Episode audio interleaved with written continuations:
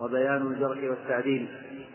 المقبول الثقة الضابط لما يرويه وهو المسلم العاقل البالغ سالما من أسباب الفسق وخوارم المروءة وأن يكون مع ذلك متيقظا وأن يكون مع ذلك متيقظا غير مغفل.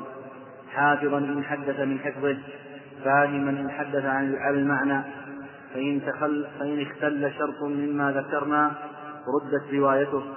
وتثبت عدالة الراوي باشتهاره بالخير والثناء الجميل عليه أو بتعديل الأئمة أو اثنين منهم له أو واحد على الصحيح ولو بروايته عنه في قول. قال ابن الصلاح وتوسع ابن عبد البر وتوسع ابن عبد البر فقال كل حامل علم معروف العناية به فهو عدل محمول أمره على العدالة حتى يتبين جرحه لقوله عليه الصلاة والسلام يحمل هذا العلم من كل خلف عدوله. قال وفيما قاله اتساع غير مرضي والله أعلم. قلت لو صح ما ذكره من الحديث لكان ما ذهب إليه قويا ولكن في صحته نظر قوي والأغلب عدم صحته والله أعلم. بارك بسم الله الرحمن الرحيم الحمد لله رب العالمين صلى الله وسلم وبارك على عبده ورسوله نبينا محمد وعلى آله وصحبه أجمعين. النوع الثالث والعشرون يقول الحافظ ابن كثير رحمه الله تعالى معرفة من تقبل روايته ومن لا تقبل. يعني من ترد روايته. وبيان الجرح والتعديل وهذا النوع من أهم الأنواع. ينبغي أن يعتني به طالب الحديث ولا يستغني عنه بحال لأنه لا يتمكن من تصحيح الأحاديث وتضعيفها إلا بمعرفة رواتها من يقبل منهم ومن يرد. فالمقبول عند أهل العلم الثقة الضابط لما يرويه والمراد بالثقة من جمع بين وصفي العدالة والضبط. من جمع بين وصفي العدالة والضبط وتقدم بتعريف الحديث الصحيح أنه ما رواه عدل تام الضبط. عدل تام الضبط. فإذا توافر الشرطان العدالة والضبط قبل الخبر وصار صحيحا.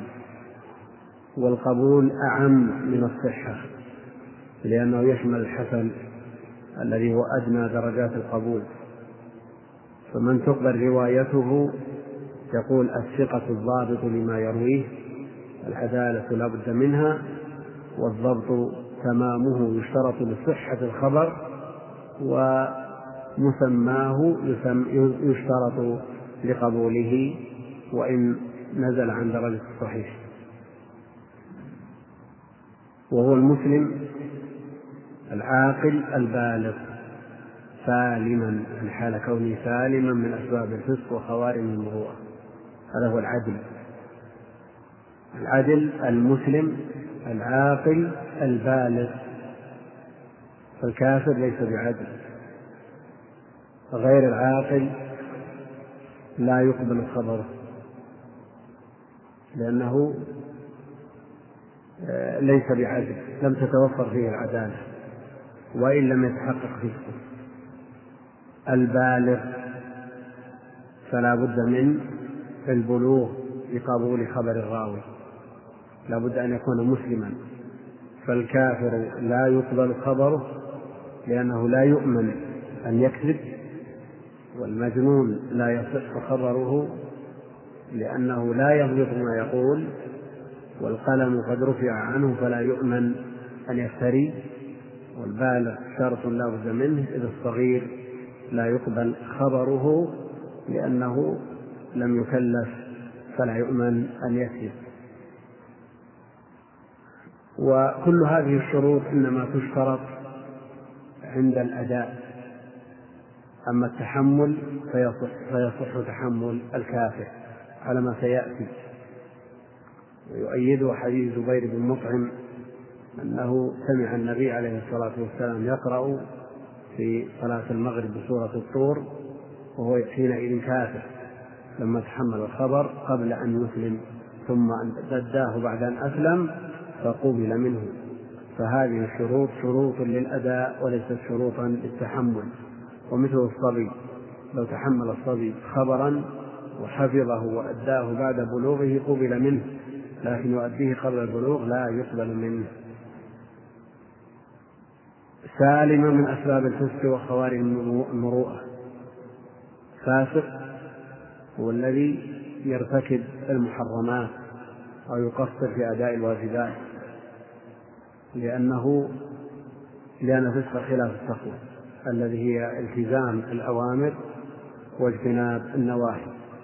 خوارم المروءة لما اعتاد الناس فعله مما تواطؤوا عليه وتعارفوا عليه بحيث يعد من خرج على فعلهم واتفاقهم على هذا الأمر شاذا بينهم. مثل هذا يخرم المروءة. وأن يكون مع ذلك متيقظا منتبها لحفظه بحيث يؤديه كما سمعه متى شاء غير مغفل. فالمغفل لا تقبل روايته لأنه لا يضبط ما يروي.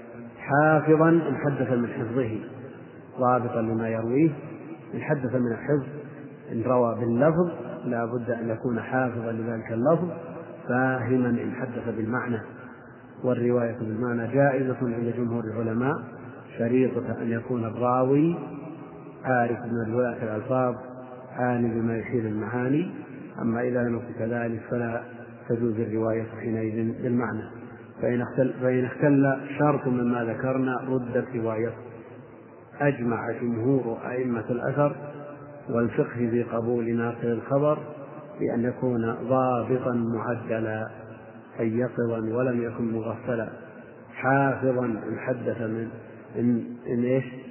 حافظا إن حدث حفظا يروي لا يحوي كتابه إن كان منه يعني يروي. نعم. حافظا حدث حفظا يحوي كتابه. إن كان منه يروي. يعلم ما في يعلم ما في اللفظ من إحالة. إن يروي بالمعنى وفي العدالة بأن يكون مسلما ذا عقل. بأن يكون مسلما ذا عقل. قد سلم قد قد إيش؟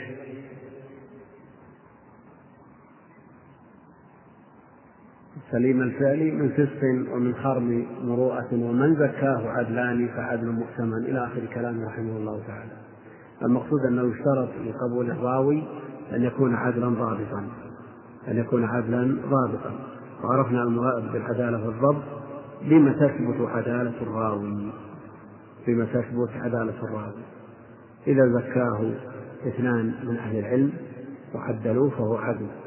ويكفي واحد على القول الصحيح إذا كان عالما بأسباب العدالة يكفي.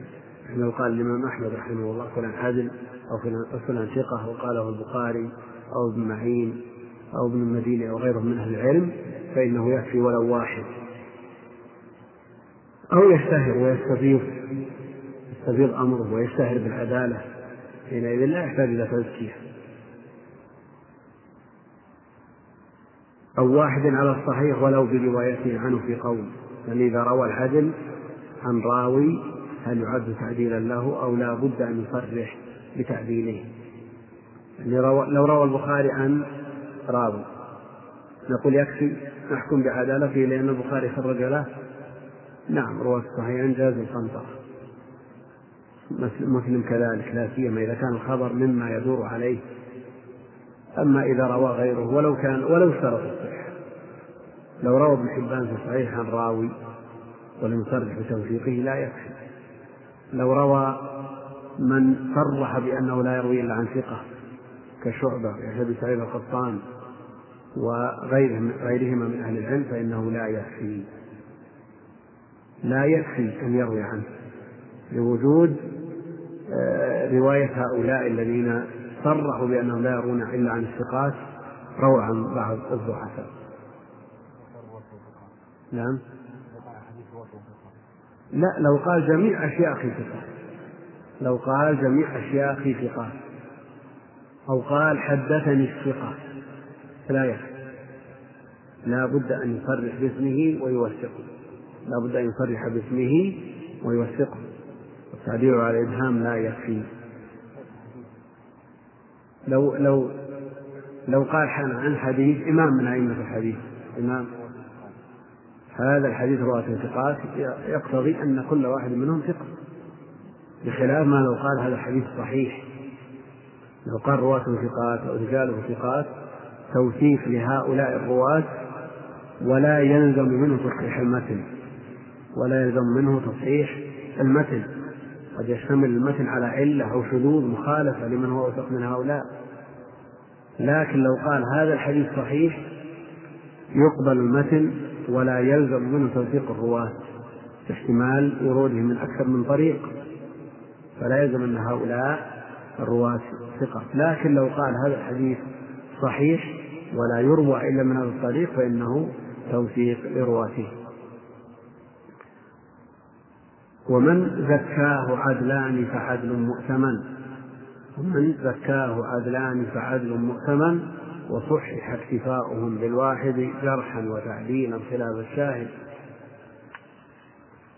وأما من اشتهر واستفاض أمره على العدالة فإنه لا يحتاج فيه إلى توثيق أحد. وصحح استغناء بالشهرة عن تزكية كمالك نجم السنن. يعني لو ورد اسم مالك في سند من الأسانيد ما يحتاج إلى أن نبحث في كتب الرجال ماذا قال الأئمة عن الإمام مالك. ومثل لو ورد اسم الإمام الشافعي أو أحمد في إسناد حديث ما يحتاج أن نقول ماذا قال عنه فلان وماذا قيل فيه هل جرح أو لم يجرح؟ لا. وصحه استغناء للشهرة عن تزكية كمالك نجم السنن. فلا يحتاج مثل هؤلاء إلى تزكية. ابن عبد البر أبو عمر ابن عبد البر رحمه الله توسع في التعديل. فقال كل حامل علم معروف العناية به فهو عدل محمول أمره على العدالة حتى يتبين شرعه. لقوله عليه الصلاة والسلام يحمل هذا العلم من كل خلف عدوله قال وفيما قال اتساع مرضي قال ابن الصلاح قال وفيما قال اتساع غير مرضي والله أعلم. ابن كثير ماذا يقول؟ قلت لو صح ما ذكره من الحديث لكان ما ذهب إليه قويا ولكن في صحته نظر قوي والأغلب عدم الصحة. أولا الحديث صحيح. الحديث ضعيف عند جمهور العلماء. ضعفه جمع من أهل العلم وإن حسنه بعضهم. لكن حكم الإمام أحمد بضعفه وجمع كثير من أهل العلم على أنه ضعيف. لو صح الخبر لو صح الخبر لا ينبغي حمله على أنه خبر. لأنه مخالف للواقع. لأنه مخالف للواقع لوجود من يحمل هذا العلم وهو ليس بعدل. فيكون معناه الحظ للثقات العدول أن يحملوا هذا العلم. ويتأيد يتأيد ذلك برواية اللي يحمل اللام لام الأمر. اللي يحمل هذا العلم من كل خلل عدول فهو حظ وحث للثقات أن يتصدوا لحمل العلم الشرعي ولا يتركوا مجالا لمن يدخل فيه من الأدعياء الذين لا يعملون به لأن العلم في الحقيقة هو العمل.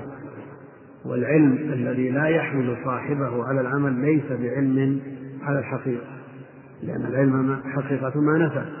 أما العلم الذي لا ينفع فوجوده مثل عدمه. يقول فيما قال التسع غير مرضي ابن كثير رحمه الله علق القول به على صحته وقال لو صح ما ذكره يعني ابن عبد البر لكان ما ذهب إليه قويا وعلى فرض صحته مع أن جمهور العلماء على ضعفه يكون فيه أمر وحث للثقات أن يحملوا هذا العلم ويكون المعنى اللي يحمل كما جاء في بعض الروايات. وليس المراد في الخبر أن كل من حمل كل من حمل العلم الشرعي يكون ثقة لا. الواقع يشهد بخلاف ذلك. وخبر الله وخبر رسوله لا يتغير. لا بد من مطابقته للواقع. لوجود من يحمل هذا العلم وهم غير ثقات. قلت ولابن عبد البر كل من عني بحمله العلم ولم يوحني فإنه عدل بقول المصطفى يحمل هذا العلم. لكن خولف خولف بن عبد البر خولف بن عبد البر في قوله هذا ولا شك أن ما قاله اتساع غير مرضي نعم. قال رحمه الله ويعرف ضبط الراوي بموافقة الثقات لفظا أو معنى وعكسه عكسه والتعديل مقبول من غير يعرف ضبط بما يعرف ضبط الراوي؟ يعرف بعرض أحاديثه ومروياته على روايات الثقات.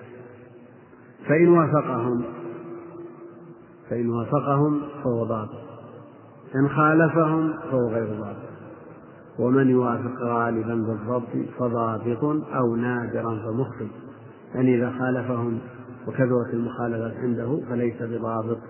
أما إذا عرضت أحاديث على أحاديث الثقات فوجد موافقا لهم في الغالب والمخالفة نادرة فإنه حينئذ يحكم بأنه ضابط. نعم. والتعديل مقبول من غير ذكر السبب لأن تعداده يقول فقيل إطلاقه بخلاف الجرح فقبل قبل. فقبل إطلاقه بخلاف الجرح فإنه لا يقبل إلا مفسرا لاختلاف الناس فيه في الأسباب المفسقة. وقد يعتقد ذلك الجارح شيئا مفسقا فيضعفه فيضعفه ولا يكون كذلك في نفس الأمر أو عند غيره. فلهذا شرط بيان السبب في الجرح. قال الشيخ أبو عمرو وأكثر ما يوجد في كتب الجرح والتعديل فلان ضعيف أو مسروق ونحو ذلك فإن لم نكتفي به سد باب كبير في ذلك وأجاب بأن إذا لم نكتفي نكتفي به توقفنا في أمره لحصول الريبة عندنا بذلك. قلت أما كلام هؤلاء الأئمة المنتسبين لهذا الشأن فينبغي أن يؤخذ مسلما من غير ذكر أسباب. وذلك للعلم بمعرفتهم واطلاعهم واطلاعهم بهذا الشأن واتصافهم بالإنصاف والديانة والخبرة والنصح. لا سيما إذا أطلقوا على تضعيف الرجل أو كونه مسروكا أو كذابا أو نحو ذلك. فالمحدث الماهر لا يتخالجه بمثل هذا وقفة في وقفة في موافقتهم بصدقهم وأمانتهم ونصحهم. ولهذا يقول الشافعي في كثير من كلامه على الأحاديث لا يثبته أهل العلم بالحديث ويرده ولا يحتج به بمجرد ذلك والله أعلم. نعم. الجرح الذي يطلقه الأئمة والتعديل الذي يطلقونه بإزاء بعض الرواة فإذا قالوا فلان ثقة أو قالوا فلان ضعيف هل فالجمهور على أنه لا بد من بيان سبب الجرح لا بد من بيان سبب الجرح لا بد أن يكون الجرح مفسرا. أولا لسهولة ذلك. فالجرح يثبت بأمر واحد. الأمر الثاني أنه ربما استفسر عن سبب الجرح فذكر ما لا يجرح. ذكر ما لا يجرح. كما جرح شعبة بما لا يجرح. لما ضحكت فلان قال رأيته يركض على برزون. نعم لما ضحكت فلان قال ذكر عند فلان فامتخط ما يلزم أن يكون الجرح مقبولا. ولأنه لأن بيان الجرح أمر يسير سهل لأن الجرح يثبت بأمر واحد يكفي أن يقال فلان ضعيف لأنه يفعل المعصية كذا أو يخل بالواجب كذا لا يصلي مع الجماعة ولا أو يفطر في رمضان أو يشرب الخمر أو يسرق أو ما أشبه ذلك لأن الجرح يثبت بواحد. وأما التعديل فيكفي فيه الإطلاق من غير ذكر سببه. لأن ذكر أسبابه يطول وتعدادها يكثر. يلزم المعدل أن يقول فلان عدل لأنه يصلي ويزكي ويصوم ويحج ويبر والديه ولا يفعل ولا يفعل من المحرمات. فيعد كل الواجبات ويعد كل المحرمات. وهذا يطول. فالجمهور على أنه لا بد من بيان سبب الجرح دون التعديل ومنهم من حكم. يقول الجرح يكفي أن يذكر من غير بيان. والتعديل لا بد من ذكر سببه لأن الإنسان قد يغتر بشخص فيعدله بناء على ما ظهر من حاله. فلا بد من أن يبين سبب العدالة. فلان عدل لماذا؟ لا يغتر به كما اغتر الإمام مالك بابن أبي المخارق. قال غرني بكثرة مكثه في المسجد. هذا نعم أمارة دلالة على أنه صاحب خير لكن لا يكفي لقبول الرواية. فلا بد من ذكر العدالة وأما الجرح فيكفي من غير ذكر سببه وهذا قول لبعض أهل العلم وعكس القول الأول قول الجمهور. ومنهم من يقول لا بد من بيان السبب في الجرح والتعديل لأن أسباب العدالة يكثر التصنع فيها فلا بد من ذكر سببها والجرح آه، قد يجرح المجرح بغير جارح وحينئذ لا بد من بيان سبب وهذا القول يلزم ببيان السبب في الأمرين معا.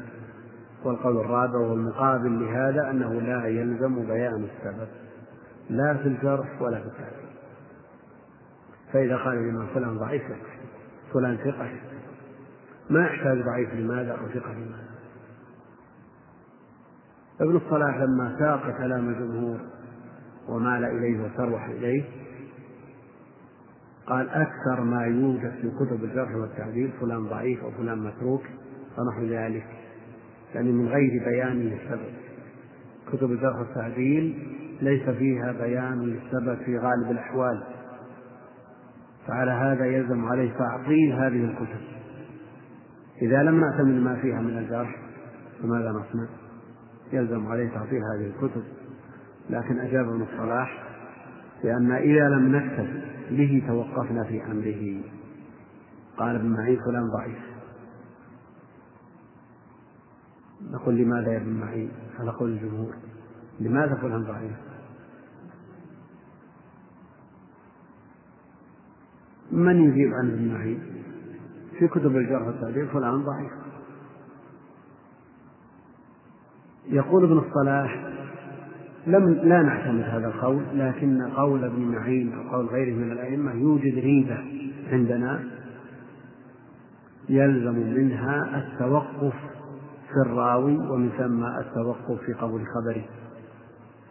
يقول توقفنا في أمره لحصول الريبة عندنا بذلك. لكن إلى متى؟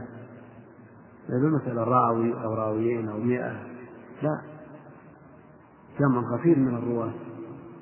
وهذا التوقف يوجب التوقف في كثير من الأخبار. فالتوقف ليس بحل. ولذا رأى ابن كثير رحمه الله تعالى في كلامه قلت أما كلام هؤلاء الأئمة المنتصبين لهذا الشأن فينبغي أن يؤخذ مسلما من غير ذكر أسباب ويستوي في ذلك الجرح والتعديل إذا كان المعدل أو المجرح إمام معتدل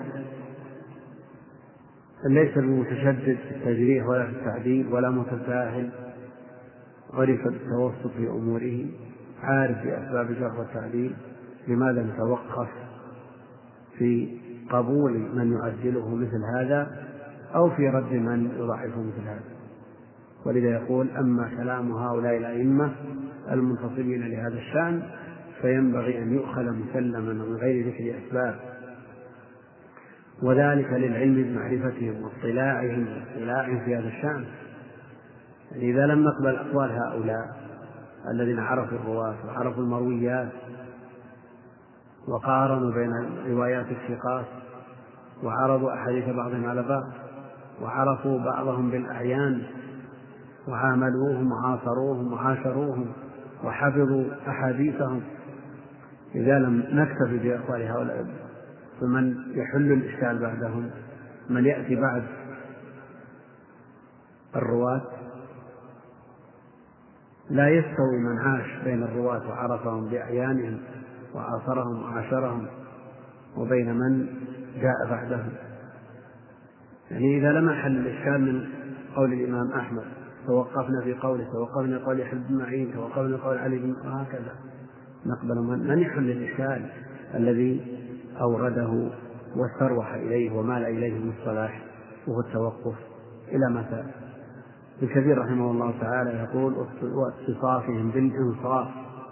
يعني ما يتوقع أن الإمام أحمد يجرح راوي لشحناء بينه وبينه. أو لمخالفة بينه وبينه أو لاختلاف بينه في أمور الدنيا. حاشاهم من ذلك ولا ندعي العصمة لهم. ومثله بقية الأئمة. واتصافهم بالإنصاف والديانة والخبرة والنصح لا سيما إذا أطلقوا على تضعيف الرجل. يعني مقتضى قول الجمهور أنهم لو أجمعوا على تضعيف راوي نقول لماذا؟ لماذا؟ لابد أن يبين السبب. يقول لا سيما إذا أطبقوا على تضعيف الرجل أو كونه متروكا أو كذابا أو نحو ذلك. إذا أطبقوا لا يتساوي لا يخالف الإنسان أدنى شك ولا يساوره أدنى ريب في أنه ضعيف أو ثقة. لكن إذا اختلف فيما إذا تعارض تعارضت أقوالهم تعدله بعضهم ووثقه آخرون وهذه مسألة تعارض الجرح والتعديل والمسألة ترد قريبا إن شاء الله تعالى. فالمحدث الماهر يقول لا يتخالده بمثل هذا وقفته في موافقتهم لصدقهم وأمانتهم ونصحهم. ولهذا يقول الشافعي في كثير من كلامه على الأحاديث لا يثبته أهل العلم بالحديث. يكل الأمر إلى أهله. يكل الأمر إلى أهله. لا يثبته أهل العلم بالحديث. طيب أنت إمام يا شافعي لماذا لا تنظر أنت؟ العمر لا يستوعب الاجتهاد في كل شيء.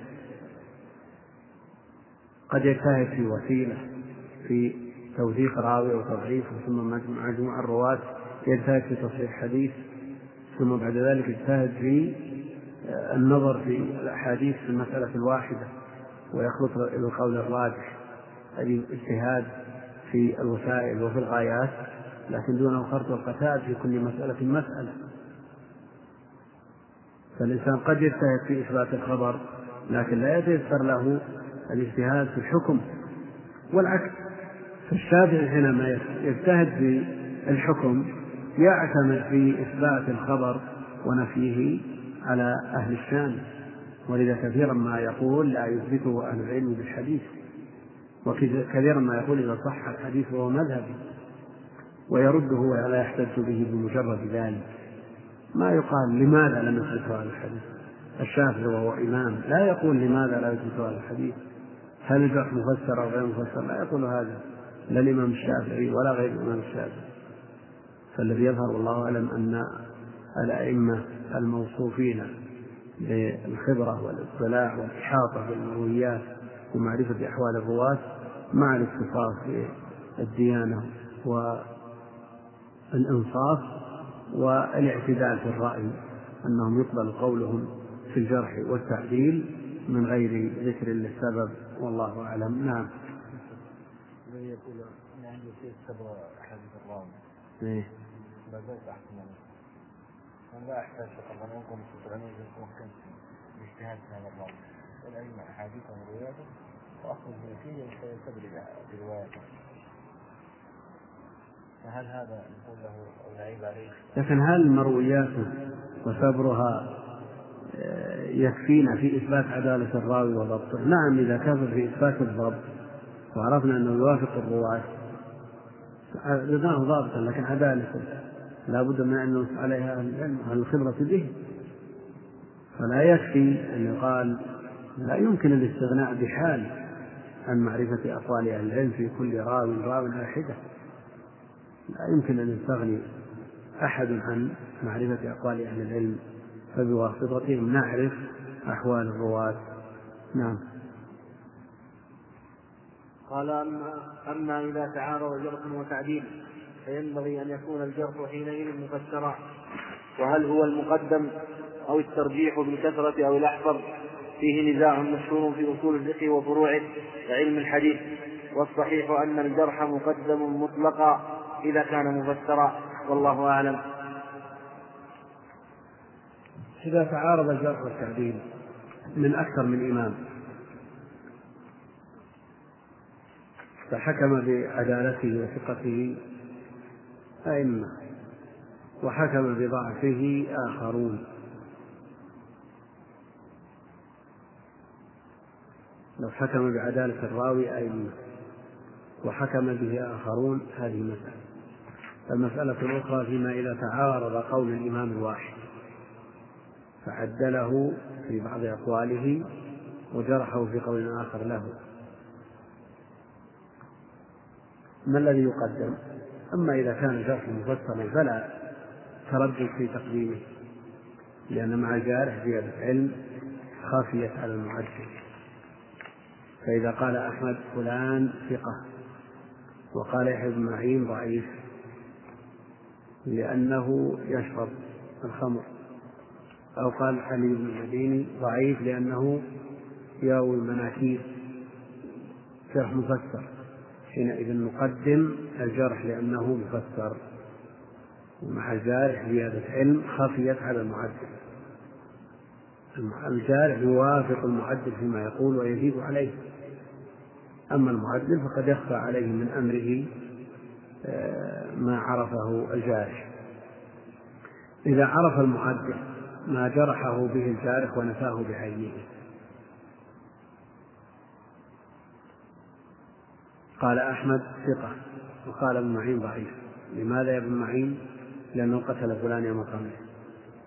قال أحمد هذا الكلام ليس بصحيح. أنا رأيته صلى معنا يوم الجمعة فكيف تقول مقتول؟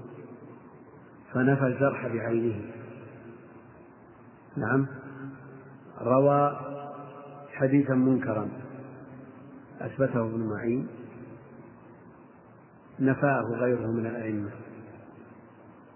إما أن يكون نفى النكارة بوروده من طرق أخرى أو أثبت أن الراوي لهذا الحديث المنكر غير الراوي الذي ألصق به. وكم من راوي زعم فيه التعدد والعكس. كم من شخص جعله بعضهم اثنين وكم من رواة جعلهم بعض أهل العلم واحد. وينفع في هذا الباب كتاب الخطيب البغدادي رحمه الله موضح أوهام جمع التفريق فإذا قال ابن معين فلان ابن فلان ضعيف لأنه حديث منكر. قال له غيره من أهل العلم لا فلان الذي زعمت أنه هو الراوي لهذا الحديث غير الثاني فحينئذ يقدم التعديل لأن السبب الذي جرح به نفي فلا يقبل الجرح ولو كان مفسرا بالإطلاق. يقول هل هو المقدم أو الترجيح بالكثرة أو الأحفظ؟ لا شك أن من أهل العلم من يرجح بالكثرة ومنهم من يرجح أهل الحفظ على من دونهم في الحفظ وقدموا الجرح. لكن إن ظهر من عدل الأكثر فهو المعتبر. الأصل أن المقدم الجرح إذا كان مفسرا إن ظهر المعدلون أكثر من الجارحين فإنهم يقدمون عند قوم وبعضهم يقدم قال يقدم الجارح ولو واحد على جمع من المعدلين للعلة التي ذكرت قبل. بعضهم يقول يقدم الأحفظ. لا أعرف بالرواة وأحفظ وأكثر حفظ الحديث فيقدم قوله ولو كان تعديلا في مقابل قول من جرح. إذا كان التعارض من إمام واحد إمام واحد مرة قال فلان ضعيف ومرة قال فلان ثقة فهذا مرده إلى تغير الاجتهاد. نعم عرف المتأخر من قوليه فهو المعتمد وإلا ينظر فيه على أساس أنه تعدد اجتهاد غير اجتهاده فيعتبر كل من قوليه قول من أقوال أهل العلم فيضم التعديل إلى أقوال المعدلين ويضم التجريح إلى أقوال المجرحين فعلى سبيل المثال ابن لهيعة ضعفه ثلاثة عشر إماما من أئمة الحديث وعدله ثلاثة وتوسط في أمره آخرون وقبله بعضهم في حال دون حال في رواية العبادلة دون غيرهم لكن كيف نصنع بتضعيف ثلاثة عشر إماما واضطرب فيه واضطرب فيه أقوال المتأخرين؟ فالحافظ ابن حجر نص على ضعفه في مواطن من الفتح وقال في التقريب صدوق يخطئ أو له أوهام وحسن سندا في المسند آه، جاء من طريقه فعلى كل حال اضطرب فيه قول الحافظ وما دام جمهور الأئمة على تضعيفه وهو ضعيف ثلاثة عشر إماما من الأئمة الكبار كلهم على تضعيفه فهو ضعيف. خلافا لأحمد شاكر الذي وثقه مطلقا وثق ابن لهيعة مطلقا. فكيف يصنع؟ بقول ثلاثة عشر إماما كلهم يتدين بقوله ضعيف. لأن الكلام في الرجال أمره خطير. وأبيح على خلاف الأصل لأن الأصل في هذا الباب المنع. فأجازه أهل العلم بل أوجبوه نصحا للأمة وصيانة للملة. إذ لولا ذلك لما عرف صاير هذه من ضعيفه. على كل حال الراجح في حاله أنه ضعيف وإن عدله بعضهم. نعم. ويكفي قول الواحد. نعم. حتى في رواية العبادلة عنه نعم. هي أمثل من غيرها يكون ضعفها أخف لكن هي ضعيفة. حتى رواية العبادلة وعلى كل حال ضعفه محتمل. يعني يقبل يقبل الانجبار إذا ورد من طريق آخر. لكن بمفرده خبره لا يثبت. نعم. ويكفي قول الواحد في التعديل والتجريح على الصحيح. وأما رواية الثقة عن شيخ فهل يتضمن تعديله ذلك الشيخ أم لا؟ فيه ثلاثة أقوال. ثالثها إن كان لا يروي إلا عن ثقة فتوثيق وإلا فلا. والصحيح أنه لا يكون توثيقا له حتى لو كان ممن ينص على عدالة شيوخه. ولو قال حدثني الثقة لا يكون ذلك توثيقا له على الصحيح لأنه قد يكون ثقة عنده لا عند غيره وهذا واضح ولله الحمد. قال وكذلك بكي العالم. يقول يكفي قول واحد في التعليل والتجريح على الصحيح. سبق أن ذكرنا أن التزكية لا بد فيها من اثنين عند كم من أهل العلم ومن زكاه عدلان فعدل مؤتمن كالشهادة. كالشهادة لا بد أن يزكيه اثنان. لكن الصحيح عند أهل العلم أنه يكفي واحد. إذا كان عارفا بأسباب الجرح معتدلا في أقواله وجزم بأنه عدل يكفي. وصح اكتفاؤهم بالواحد جرحا وتعديلا خلاف الشاهد. أما الشاهد فلا بد من اثنين. لأن حقوق العباد مبنية على المشاحة ولا يؤمن أن يوجد من يكذب فيه والكذب على النبي عليه الصلاة والسلام ليس كالكذب على غيره فالأصل المسلم أن يهاب الكذب على النبي عليه الصلاة والسلام. فما دام يكفي في قبول الخبر واحد فيكفي في تزكية راويه واحد أيضا. رواية الثقة عن شيخ إذا كان إذا روى شيخ ثقة عن شيخ هل يعني هذا أن الشيخ لثقته بهذا الراوي يروي عنه؟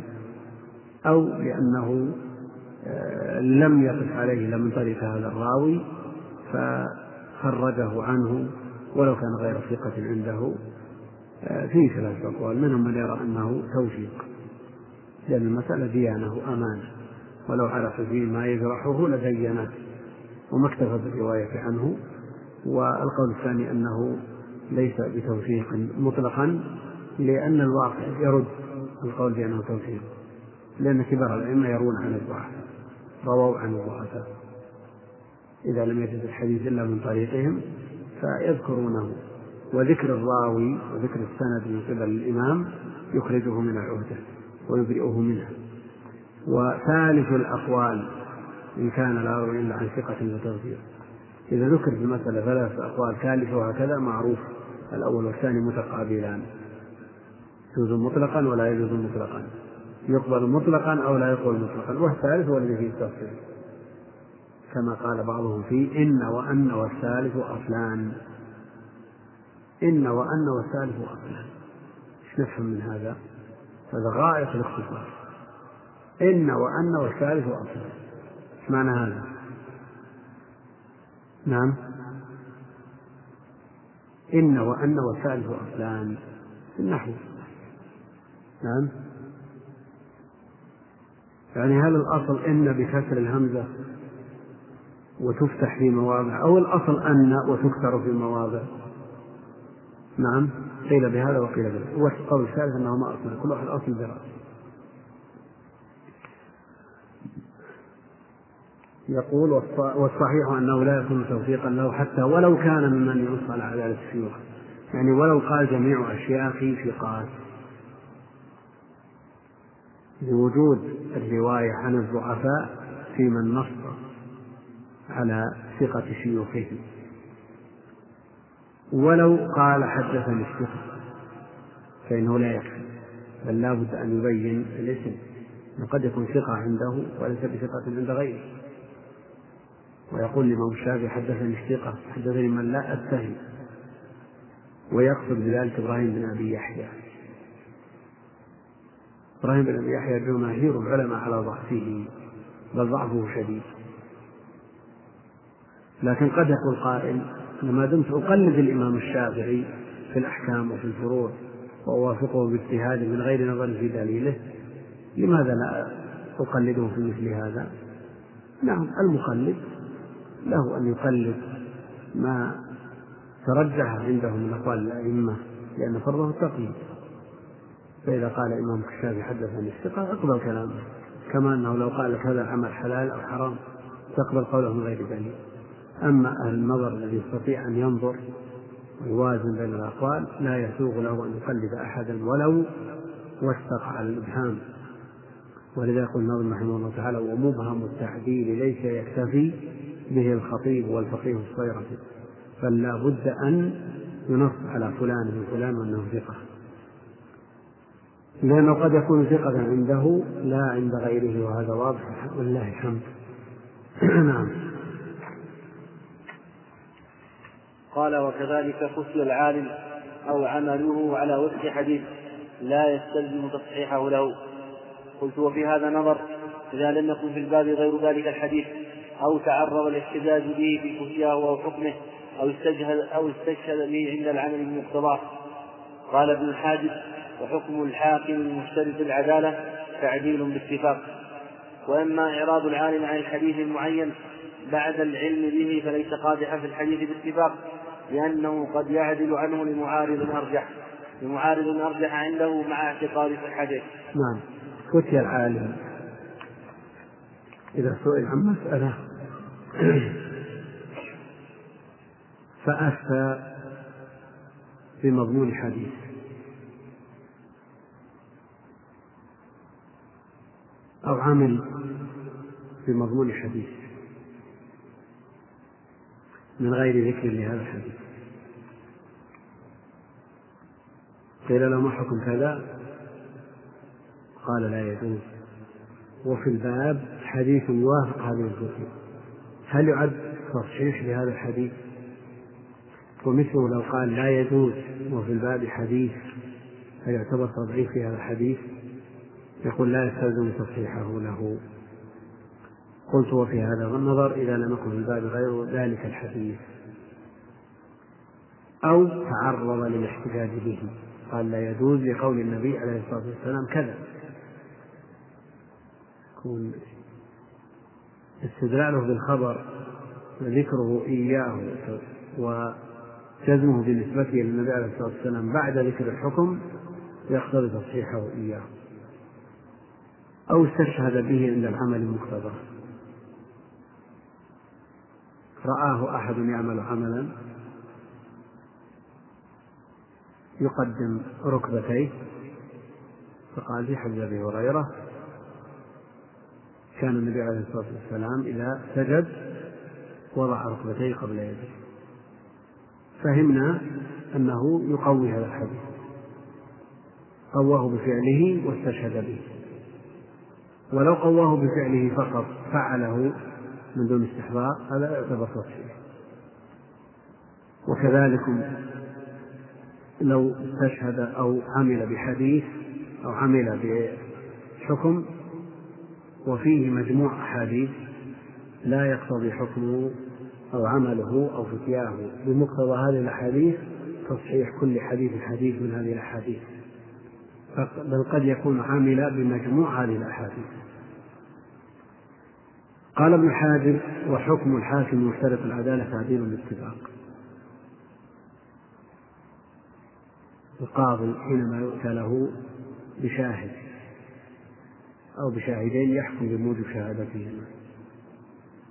هذا القاضي هل يتصور أنه يجرح هذين الشاهدين وقد عمل بمقتضى شهادتهما؟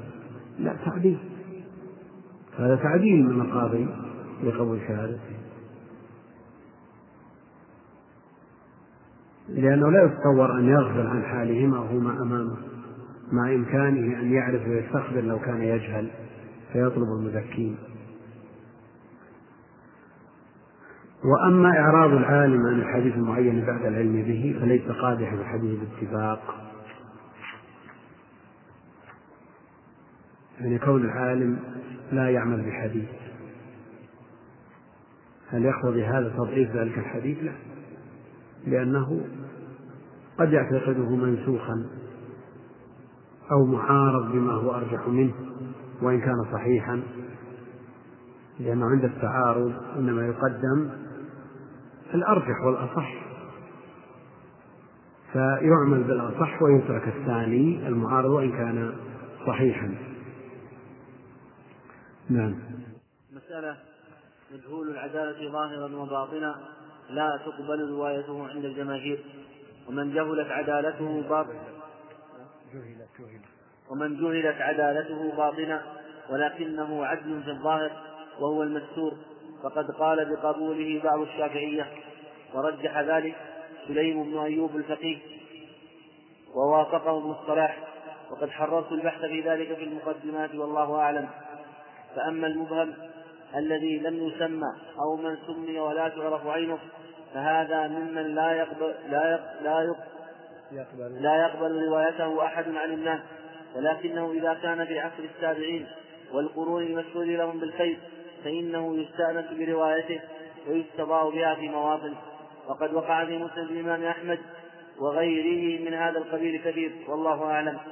قال الخطيب البغدادي وغيره وترتفع الجهالة عن الراوي بمعرفة العلماء له أو برواية عدلين عنه.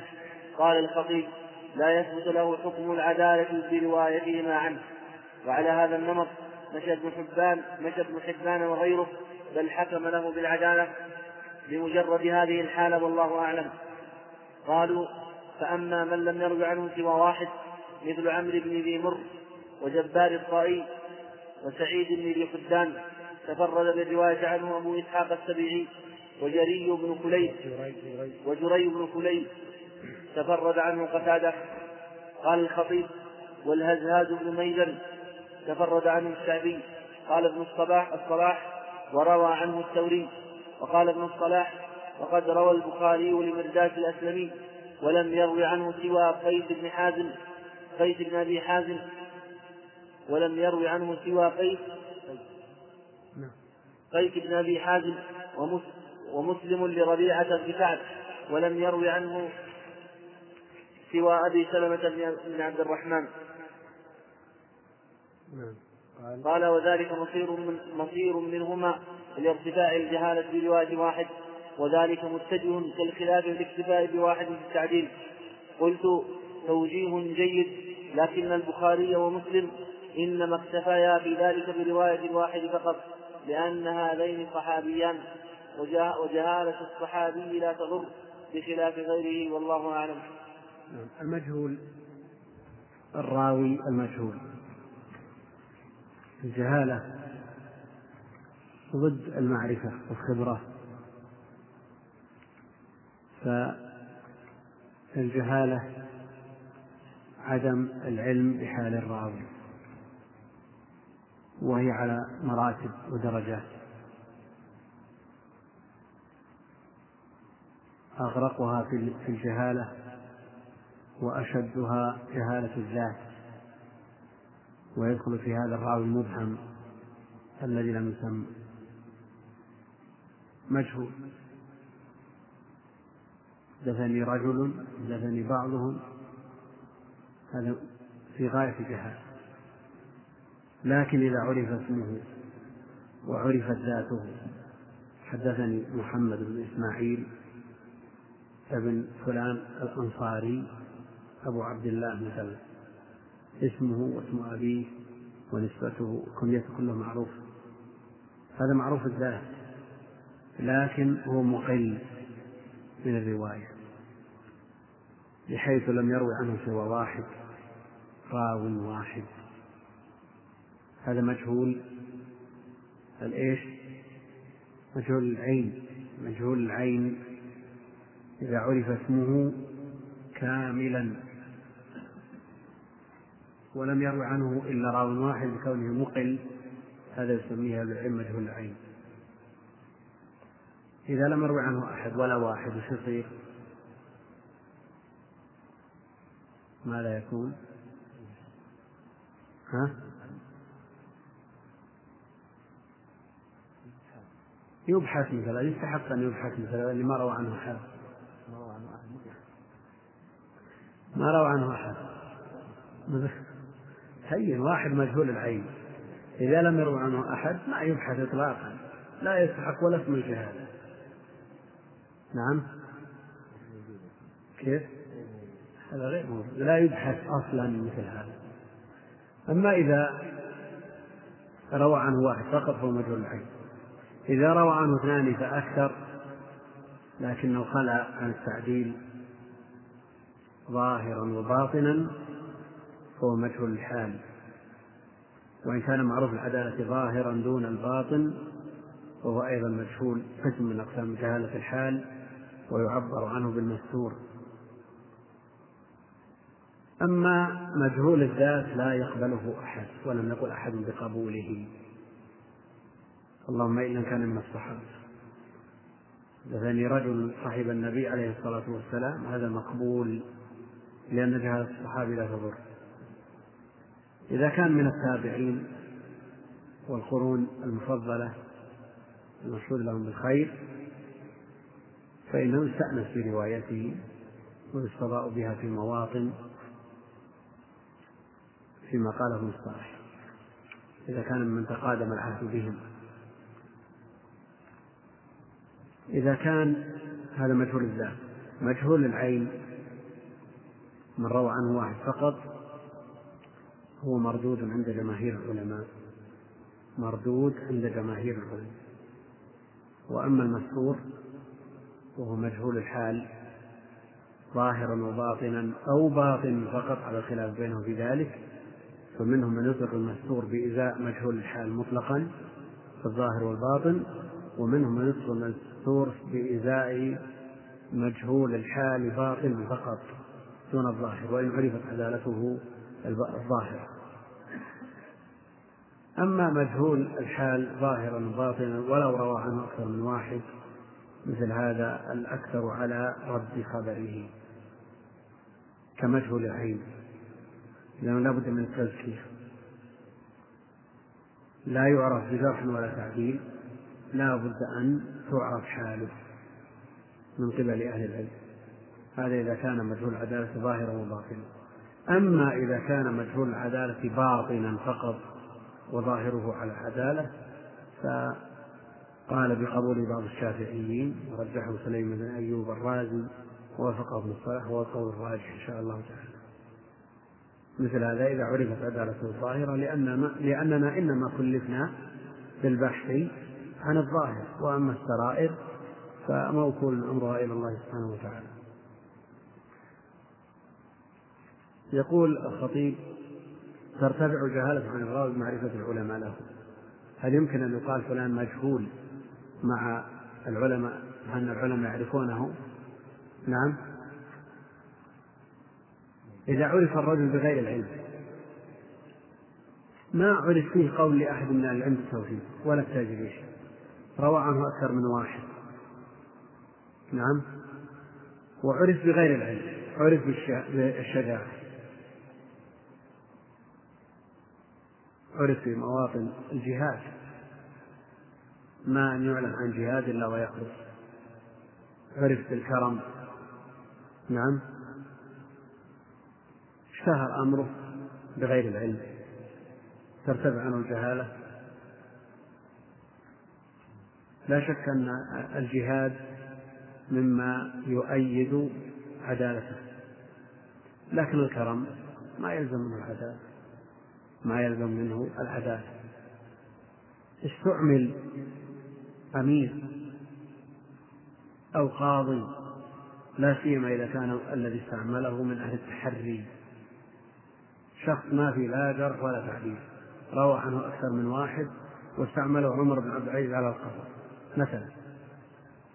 يوثق ولا ما يوثق؟ تقبل روايته ولا ما تقبل؟ ما في شك أن النفس تميل إلى قبول رواية مثل هذا. ولو لم ينص على تعديله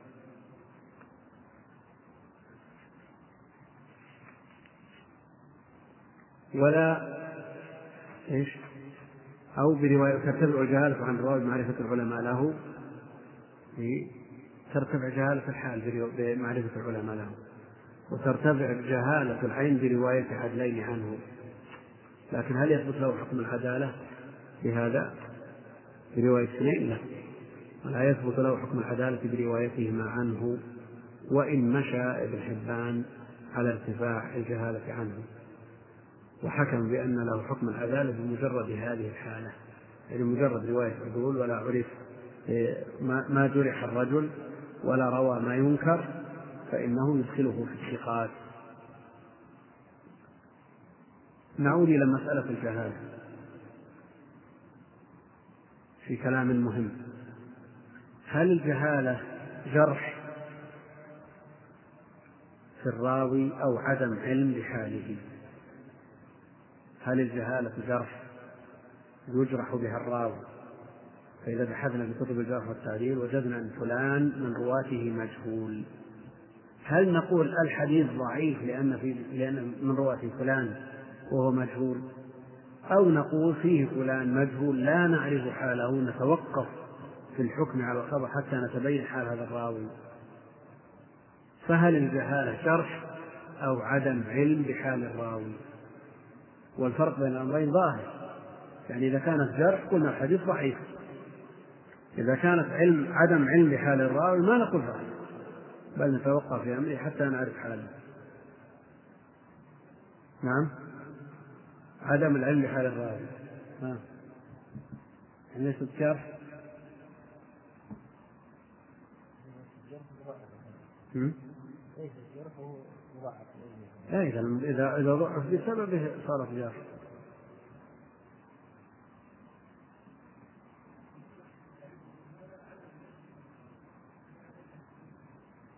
إيه السبب الذي يورد مثل هذا الإشكال أو التردد في حال الجهالة الحافظ بن حجر في النخبة قال ومن المهم معرفة أحوال الرواة. تعديلا أو تجريحا أو جهالة. فجعل الجهالة قسيم للجرح والتعديل فليست بجرح ولا تعديل.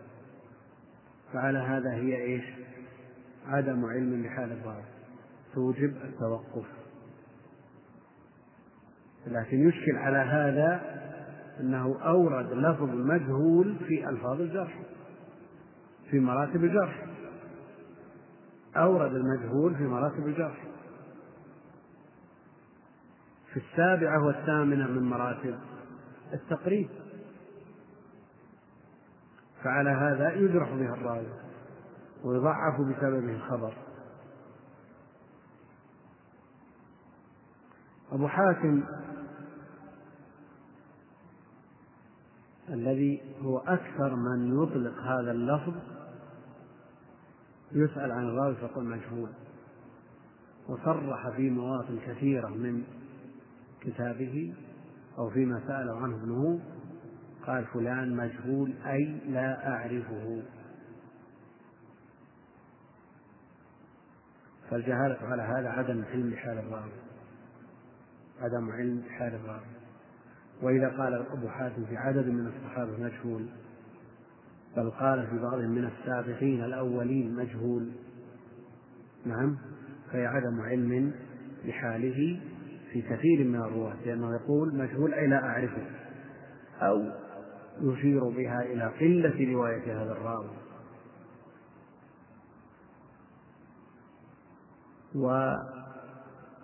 الحافظ الذهبي في الميزان إذا أطلق على الراوي مجهول فإنه يقلد في ذلك أبا حاتم.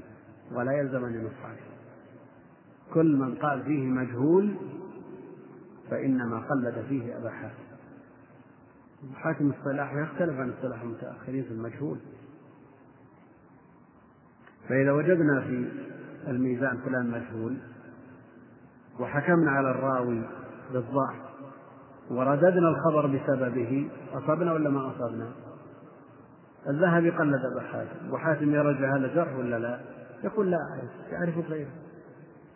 إذا ما عرفه أبو حاتم يعرف غيره. مجهول إلى آخره. كل راوي لا يعرفه أبو حاتم ضعيف. نعم؟ يلزم من هذا.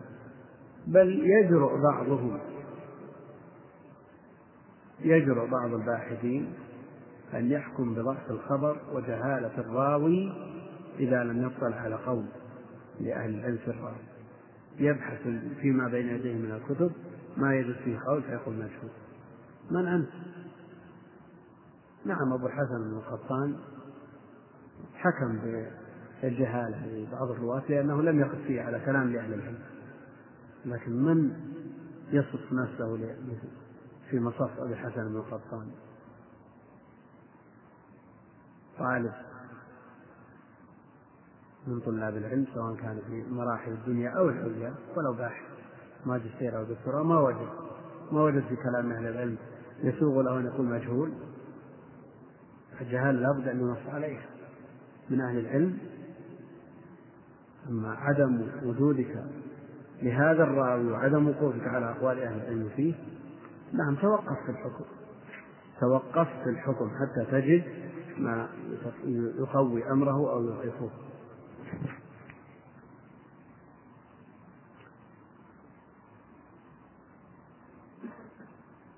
فننظر في اصطلاح من أطلق اللفظ. من أطلق اللفظ. فهل هذا الذي أطلق اللفظ يرى الجهالة شرح؟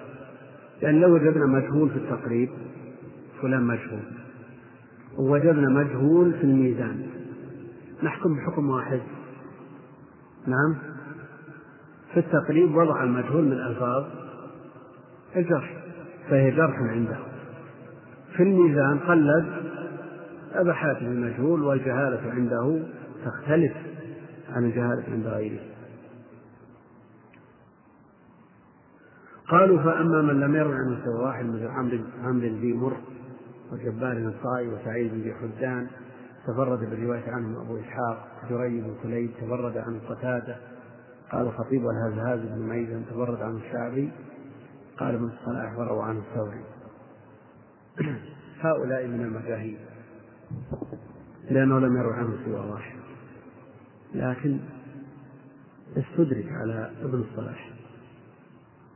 وأثبت أثبت في الرواية عن هؤلاء عن غير من آه، ذكر عنه. وقال ابن الصلاح وقد روى البخاري من مرداس الأسلمي ولم يروي عنه سوى قيس بن أبي حازم. مرداس الأسلمي صحابي. مرداس الأسلمي صحابي. ثقة ولو لم يروي عنه سوى واحد ولا نحتاج إلى كثرة الرواة ولا إلى كثرة المرويات ولا إلى تعديل أحد كائنا من كان. روى مسلم لربيعة بن كعب وهو كذلك لم يروي عنه سوى أبي سلمة بن عبد الرحمن وقد أثبت الأئمة رواية غير هذين عن هذين الصحابيين. قال وذلك المصير منهم إلى اتباع جهالة الواحد وذلك المتجه كالخلاف بالاكتفاء بواحد التعديل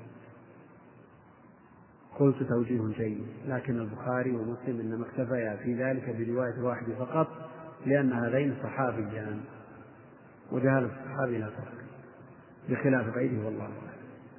لو افترضنا أن البخاري خرج لراوي ممن دون الصحابة لم يروي عنه سوى واحد. شخص ما روى عنه سوى واحد تابعي أو تابع تابعي أو دونه. ووثقه من روى عنه. أو انضاف إلى رواية واحد توثيق لبعض الأئمة. أو خرج له في كتاب التزمت صحته هل يطعن يطعن بمجرد رواية واحد عنه فقط؟ نعم. أو نقول تخريج حديثه في الصحيح تقوية لشأنه وأمره. توثيق الإمام مع رواية واحد توثيق له. نعم. كل هذا يقوي أمره ولو لم يروي عنه سوى واحد. رحمك الله. نعم.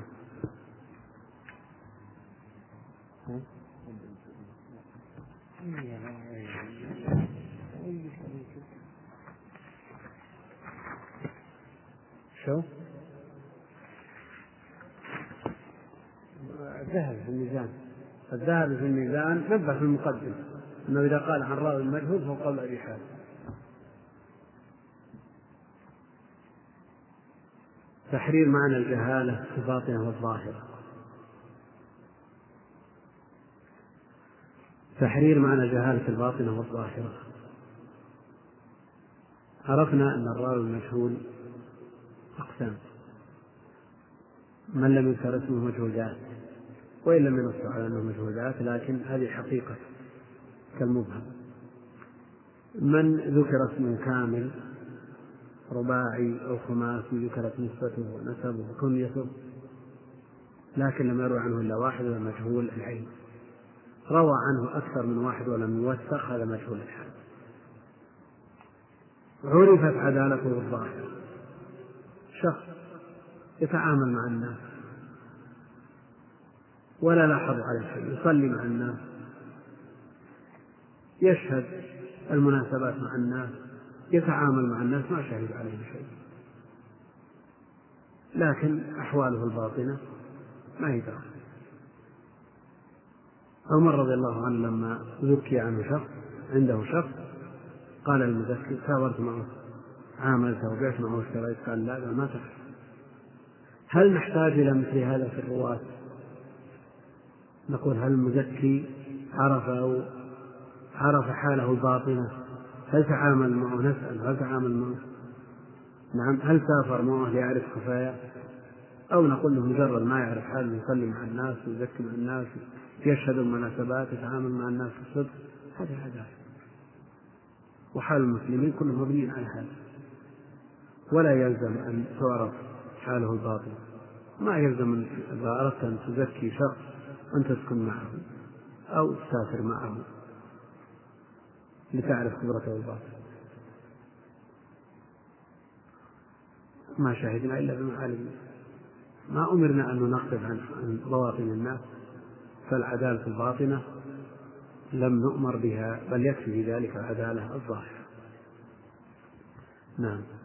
مسألة المبتدع إن كفر ببدعته فلا إشكال في رفض روايته وإذا لم يكفر فإن استحل الكذب ردت أيضا. وإن لم يستحل الكذب فهل يقبل أم لا؟ أو يفرق بين كونه داعية أو غير داعية؟ في ذلك نزاع قديم وحديث. والذي عليه الأكثرون التفصيل بين الداعية وغيره. وقد حكي عن نفس الشافعي. وقد حكى ابن حبان عليه الاتفاق. فقال لا يجوز الاحتجاج به عند أئمتنا قاطبة. لا أعلم بينهم بينهم فيه خلافا. قال ابن الصلاح وهذا أعدل الأقوال وأولاها والقول بالمنع مطلقا بعيد مباعد للشائع عن أئمة الحديث فإن كتبهم قاطعة بالرواية عن المبتدعة غير الدعاء وفي الصحيحين من حديث من حديثين في الشوائب والأصول الكبير والله أعلم. قلت وقد قال الشافعي أقبل شهادة الأهواء أهل الأهواء إلا الخطابية إلا الخطابية من الرافضة. لأنهم يرون الشهادة بالزور لموافقين فلم يفرق الشافعي بهذا النص بين الداعية وغيره. ثم ما الفرق في المعنى بينهما؟ وهذا البخاري قد خرج العمران بن حصان الخارجي مالك عبد الرحمن بن ملجم قاتل علي. وهذا من أكبر الدعوة إلى البدعة والله أعلم. المبتدع المبتدع يعني من ارتكب البدعة. والبدعة المراد بها ما أحدث في الدين. على وجه التقرب إلى الله سبحانه وتعالى من ارتكب بدعة. فلا تخلو هذه البدعة من أن تكون مكفرة مخرجة عن الملة أو غير مكفر إن كانت البدعة مكفرة فلا إشكال. فالكافر لا تصح روايته قولا واحدا. لكن يختلف مثل هذا عن الكافر الأصلي أن هذا يدعي أنه مسلم ويأتي ببعض شعائر الإسلام بل قد يأتي بالشعائر كلها ويرتكب مع ذلك ما يخرجه عن الدين أو قد اعتقد ما حكم أهل العلم بكفر معتقديه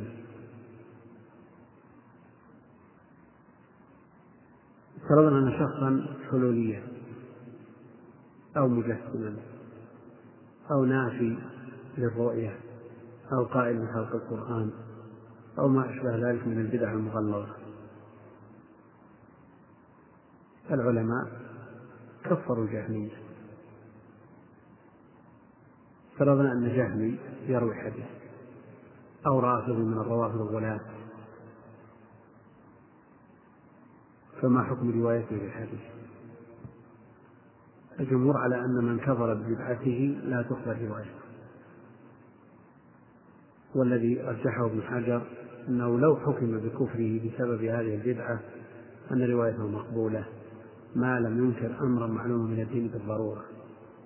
يقول لأن كل طائفة تدعي فسق الطائفة الأخرى وقد تبالغ وتكفر الطائفة الأخرى.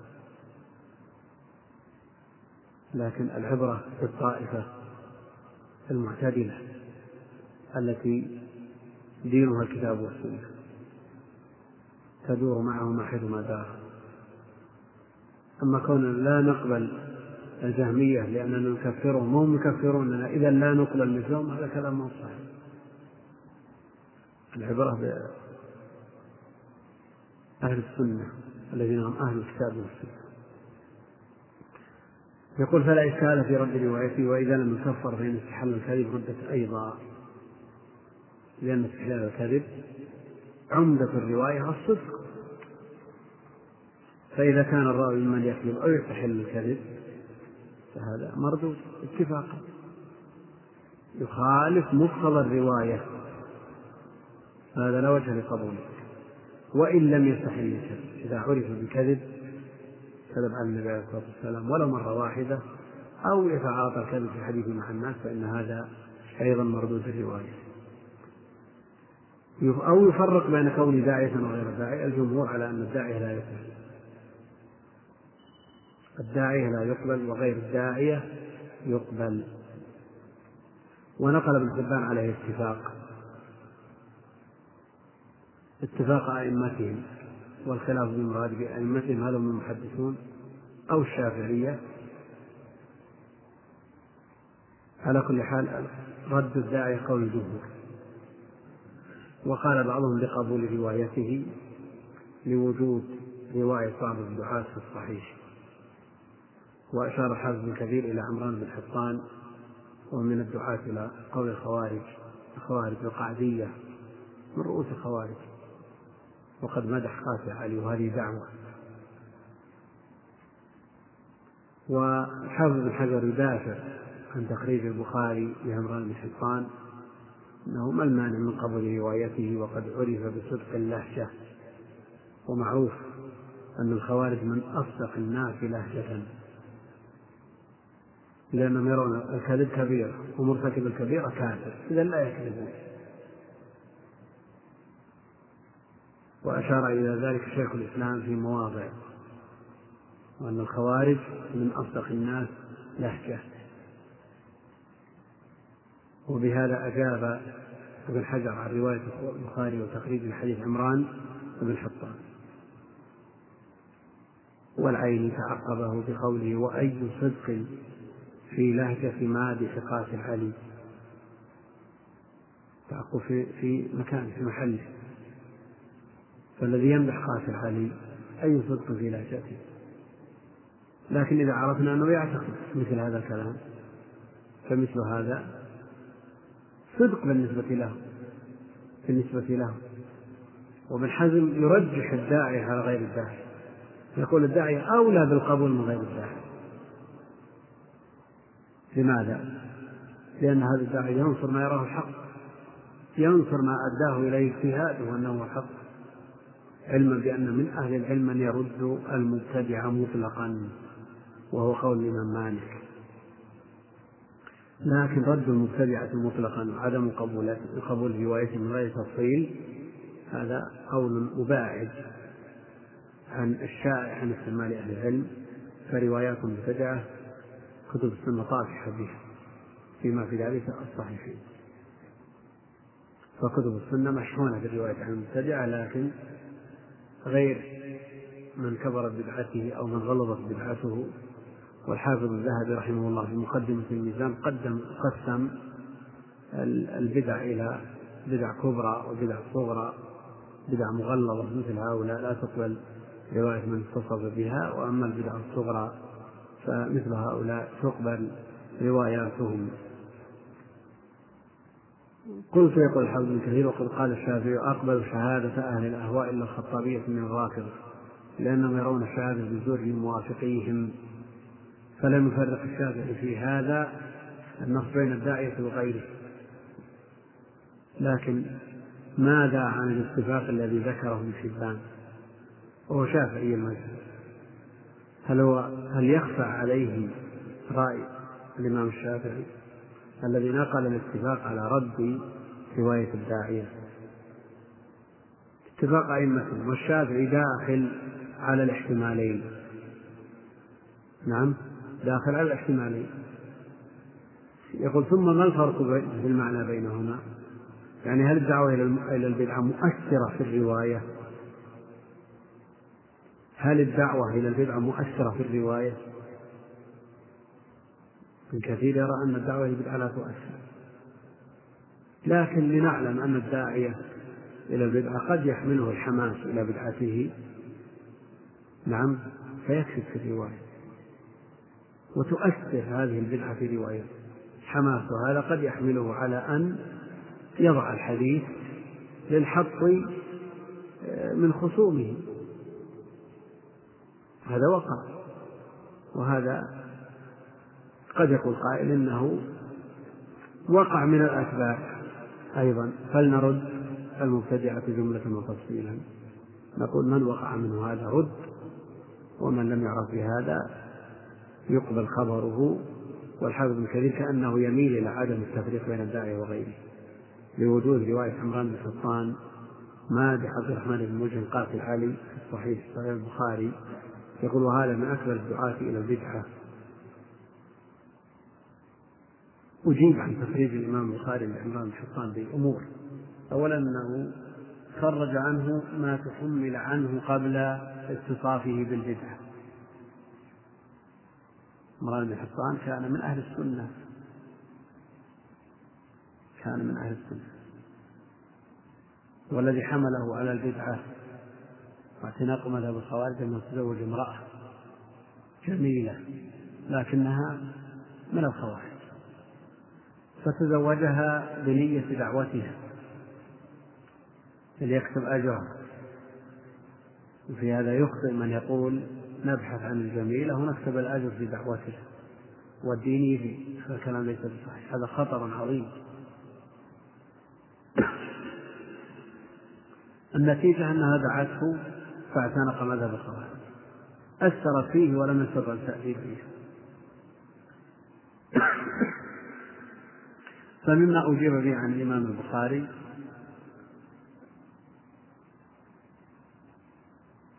أن الإمام البخاري خرج عنه ما حمل عنه قبل قبل ابتدائه. ومنهم من قال أن الإمام البخاري خرج عنه بعد بعد بعد توبته من هذه البدع ومنهم من يقول خرج عنه في المتابعات والشواهد على كل حال له ذكر في موضعين من الصحيح. والحديث الذي رواه عنه موجود هنا.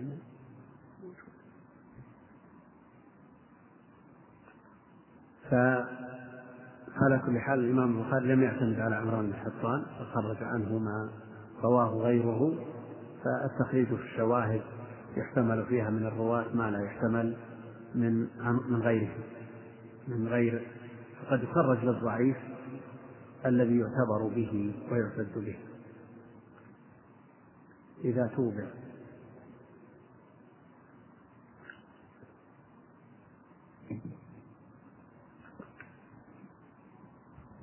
ناخذ هذه المسألة كتاب طويل ما يكفي كانت النية نقف على الماء الرابع والعشرين لكن طويل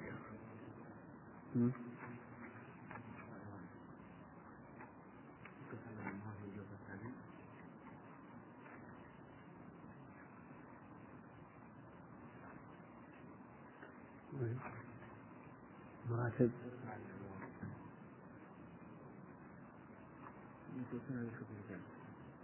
كلا كلا كلا كلا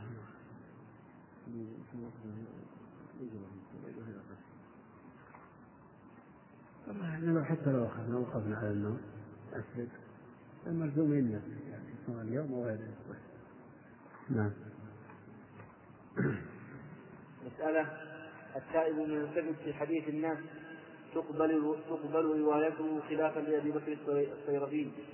فأما إن كان قد كذب في الحديث متعمدا فنقل ابن الصلاح عن أحمد بن حنبل وأبي بكر الحميدي شيخ, شيخ البخاري أنه لا تقبل روايته أبدا. وقال أبو المظفر السمعاني من كذب في خبر واحد وجب إسقاط ما تقدم من حديثه. قلت ومن العلماء من كفر متعمد الكذب في الحديث النبوي ومنهم من يحسب قتله وقد حررت ذلك في المقدمات. وأما من غلط في حديث فبين له الصواب فلم يرجع إليه فقال ابن المبارك وأحمد بن حنبل والحميدي لا تقبل روايته أيضا. وتوسط بعضهم فقال إن كان عدم رجوعه إلى الصواب عنادا فهذا يلتحق بمن كذب عمدا وإلا فلا والله أعلم. منها هنا ينبغي التحرز من الكذب كلما أمكن فلا يحدث إلا من أصل معتمد ويجتنب الشواذ والمنكرات. فقد قال القاضي أبو يوسف من تتبع غرائب الحديث كذب وفي الأثر كفى بالمرء إثما أن يحدث بكل ما سمع. التائب من الكذب الكذب لا يخلو إما أن يكون في كلام النبي عليه الصلاة والسلام يكذب على النبي عليه الصلاة والسلام يضع على النبي عليه الصلاة والسلام يختلق أو يكذب في حديث الناس لا شك أن الكذب جريمة وكبيرة من كبائر الذنوب لا سيما الكذب على النبي عليه الصلاة والسلام. إن كذبا علي ليس ككذب على أحد. من كذب علي متعمدا فيتبوأ مقعده من النار. فالتائب من الكذب سواء كان الكذب على النبي عليه الصلاة والسلام أو على غيره مختلف فيه. من كذب على النبي عليه الصلاة والسلام متعمدا يرى الإمام أحمد بن حنبل والحميدي أنه لا تقبل توبته. ولا تقبل روايته. معنى لا تقبل توبته يعني في الدنيا. وأما في الآخرة فأمره إلى الله. وجمع من أهل العلم أو جمهور العلماء يرون أن توبته مقبولة. وخبره حينئذ مقبول. لأن الكذب على النبي عليه الصلاة والسلام ليس بأشد من الكفر. والنووي يرى أن قواعد الشرع تؤيد هذا القول. قواعد الشريعة تؤيد هذا القول. فإن من كذب على النبي عليه الصلاة والسلام ثم تاب ليس بأعظم ممن كان كافرا ثم أسلم. أو ارتكب من الذنوب الكبائر الشيء الكثير ثم تاب. فمن تاب تاب الله عليه. فهل يحتم جرح الكذاب أبدا؟ بحيث لا تقبل روايته ولو تاب. وهذا مخرج على قبول شهادة القاذف والذين يرمون المحصنات نعم ثم لم يأتوا بأربعة شهداء فاجلدوهم. ثمانين جلدة يقبلوا لهم شهادة أبدا وأولئك هم الفاسقون. إلا الذين تابوا. إلا الذين تابوا. هذا الاستثناء يرفع الجمل الثلاث أو يرفع الأخيرة فقط وماذا يرفع؟ فإذا كانت شهادة القاضي مردودة أبدا فمعنى هذا أن الاستثناء لا يرفع إلى الجملة الأخيرة. وقال بهذا بعض العلماء. أما رجوع الاستثناء إلى الجملة الأولى فلم يقل به أحد. لا بد من جلده ثمانين جلد ولو كان. وأما الرجوع إلى الجملة الأخيرة وارتفاع وصف الكف عنه فهو مقتضى الاستثناء وهو قول أهل العلم قاطبة ورجوع إلى الجملة الثانية المتوسطة هو محل الخلاف هل تقبل شهادته؟ أو يحكم جرحه فلا تقبل شهادته. ومثله كاذب لأن الكذب عن النبي عليه الصلاة والسلام أشد من القذف. فالإمام أحمد والحميدي يشددون في هذا الباب ويرون أنه مجروح أبدا فلا تقبل روايته لأنه ما دام كذب على النبي عليه الصلاة والسلام وجرؤ على الكذب عليه ما الذي يثبت صدقه في توبته؟ وذكرنا أن أكثر العلماء على أن توبته مقبولة وأن التوبة من الكذب على النبي عليه الصلاة والسلام ليست بأشد من الكفر. إذ الكافر إذا أسلم فإنه تقبل توبته قولا واحدا. قال ومن العلماء من كفر متعمد الكذب في الحديث النبوي هذا والد إمام الحرمين قال بكفره ومنهم من يحكم قتله.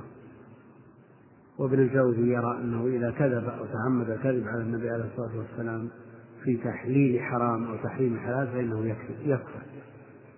وعلى كل حال القول بكفره قول مرجوح حتى قال إمام الحرمين إنها زلة أو هفوة من والده لم يوافقه عليها أحد. من غلط في حديث بين له الصواب فلم يرجع إليه. يروي حديث فغلط فقيل له الصواب كذا.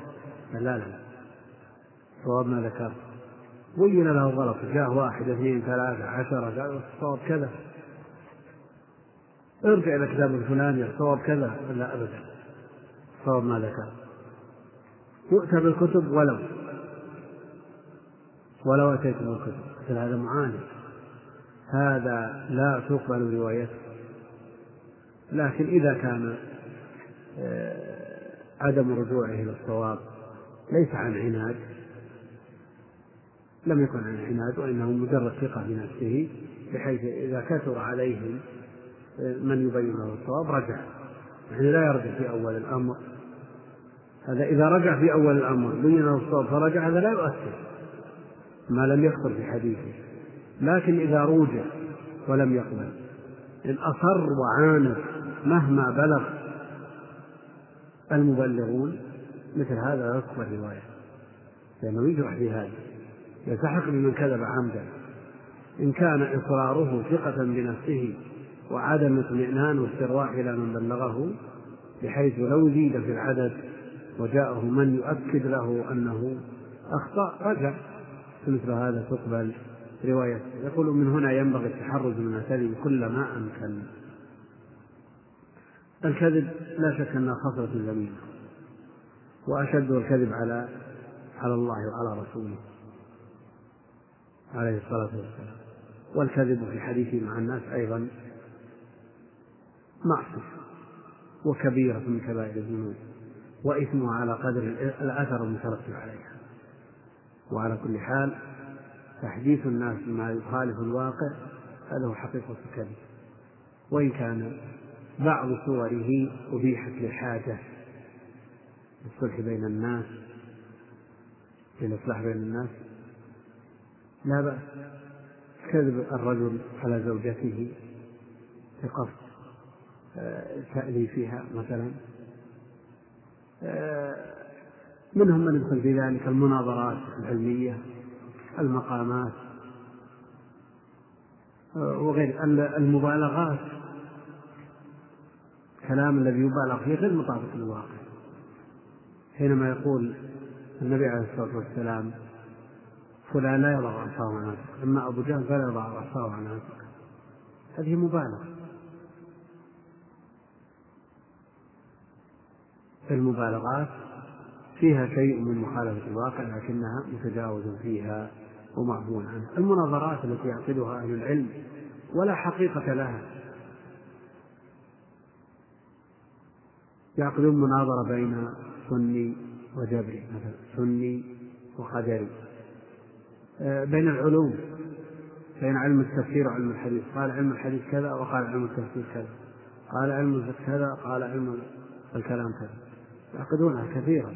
هل هذا كذب ولا صواب؟ صحيح الكلام ولا كذب؟ مطابق للواقع أو غير مطابق؟ غير مطابق. أحيانا يعقد مناظرات على ألسنة الحيوانات والطيور. المقامات حدث الحارث بن همام قال ما لا حارث ولا محروس لا محدث ولا محدث. لكن قالوا إن هذا يترتب عليه مصلحة ظاهرة المفسدة مغمورة بجانبها فأجازوا مثل هذا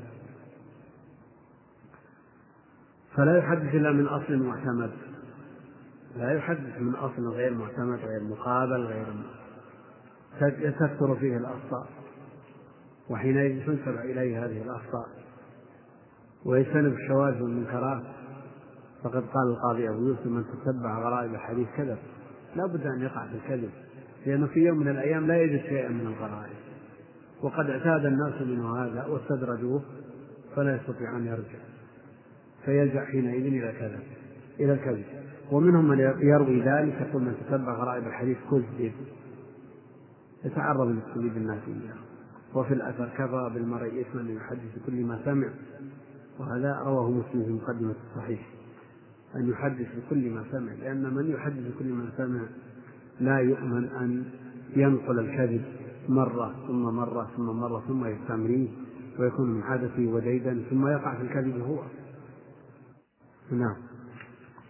مسألة وإذا حدث ثقة عن ثقة بحديث فأنكر الشيخ سماعه لذلك بالكلية فاختار ابن الصلاح أنه لا تقبل روايته عنه لجزمه بإنكاره ولا يقدح ذلك في عدالة الراوي عنه فيما عداه بخلاف ما إذا قال لا أعرف هذا الحديث من سماعي فإنه تقبل روايته عنه. وأما إذا نسيه فإن الجمهور يقبلونه.